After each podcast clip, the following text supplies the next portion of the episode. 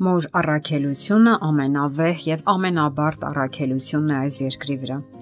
Երեխան մանրանկար է, որի վրա հարկավոր է աշխատել երկար տարիներ։ Մոր ամենակարևոր եւ իսկական առաքելությունը երեխայի դաստիարակությունն է։ Ոչ մի մայր չի ցանկանում սխալ դաստիարակել իր երեխային, եւ այնուամենայնիվ սխալներ լինում են։ Մայրական սխալները գալիս են անգիտությունից, հաճախ չիմանալուց եւ հաճախ այլևս հնարավոր չի լինում դրանք ուղղել Իսկ ինչ պետք է իմանան մայրերը։ Յուրաքանչյուր երեխա ցանկացած տարիքում պետք է իմանա, որ ինքը ինչ որ մեկին պատկանում է։ Եթե երեխան բավականաչափ հուզական շփում ունի մոր հետ, եթե զգում է, որ ինքը անվտանգության մեջ է եւ վստահ է, որ իր կարիքները հոգում են, նրա մեջ կայուն բնավորություն եւ լավ պատկերացումներ են ձևավորվում իր մասին։ Այս ճշմարտությունը ապացուցվել է մի ամբողջ շարք գիտական փորձերով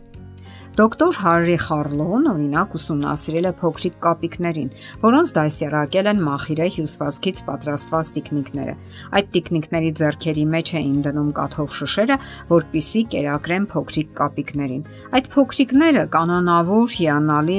սնունդ են ստացել Սակայն նրանց մոտ չի եղել որևէ մեկը, որ նրանց փաղաքշի, գրկի ու սիրի։ Նրանք իսկական մայրական սեր չեն ստացել։ Մեծանալով այդ կապիկները բավականաչափ անճարակ են գտնվել կենսական հարցերում։ Նրանք տարօրինակ շարժուձև ու վարք են ցուցաբերել, խենթ շարժումներ, որpիսին կարելի է տեսնել միայն հոգեկան խանգարում ունեցող մարդկանց մոտ։ Ընտանիքը երեխայի առաջին դպրոցն է, իսկ մայրը նրա առաջին ուսուցիչը։ Երեխան վստահում է լավ ուսուցչին եւ հարկ չի համարում անընդհատ վերստուգել նրանից ստացած տեղեկությունները կամ կասկածել դրանում։ Առաջին դասերից մեկը, որ պետք է յուրացնի երեխան, այն է, որ նա պետք է ապավինի իր մորը եւ ամեն ինչում վստահի նրան։ Մայրերը միշտ պետք է ընտրեն այն դասը, որ ցանկանում են տալ իրենց երեխային։ Պետք չէ երեխային հայհոյել, պետք չէ նրան պիտակներ կպցնել, ինչ որ բան ապացուցել, սղոցել նրա նյարդերը կամ պատժել։ Անհնազանդ զավակի հանդեպ մայրական վերաբերմունքը պետք է դրսևորվի հետևյալ արտահայտությամբ Ես չափազանց շատ եմ սիրում քեզ, որpիսի թույլ տամ, որ դու քեզ այդքան ված պահես։ Մոր առաջադրանքներից մեկը երեխայի ընտունակությունների զարգացմանը հետևելն է. Զարգ տալը, ողքեվորելը։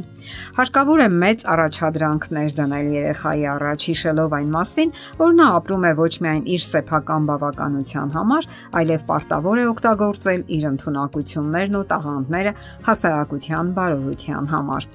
Մայրը պատասխանատվություն է կրում նաև իր երեխայի ֆիզիկական զարգացման համար։ Քանի որ նա է ծրագրավորում եւ պատրաստում օրվա սնունդը, ապա պարտավոր է ունենալ տարական գիտելիքներ առողջ սննդի,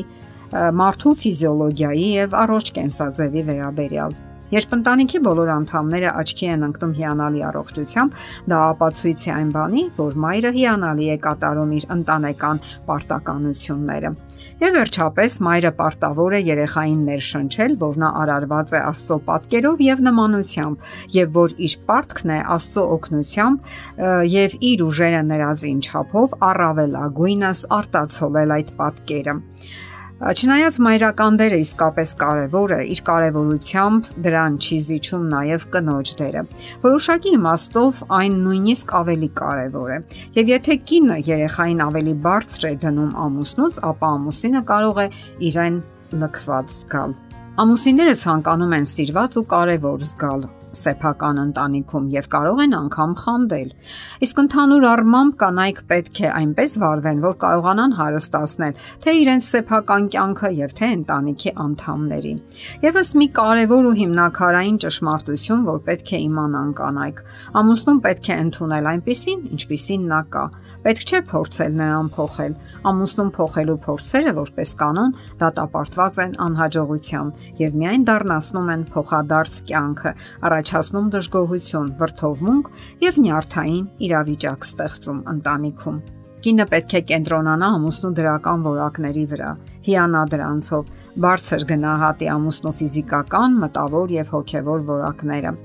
Կինը պետք է լինի ամուսնու ամենահուսալի, ամենավստահելի, բարոյական հենարանը եւ այնպես անի, որ տունը ամուսնու համար լինի խաղաղ նավահանգիստ, որտեղ նա կարող է հանգստանալ օրվա հուզումներից, աշխատանքային լարված ժամերից հետո։ Այդ ժամանակ նա ավելի շատ ցանկություն կունենա տանը անցկасնելու իր ազատ ժամանակը, լինելու ընտանիքի անդամների հետ եւ ոչ թե առիթներ ստեղծի տանից փախչելու համար։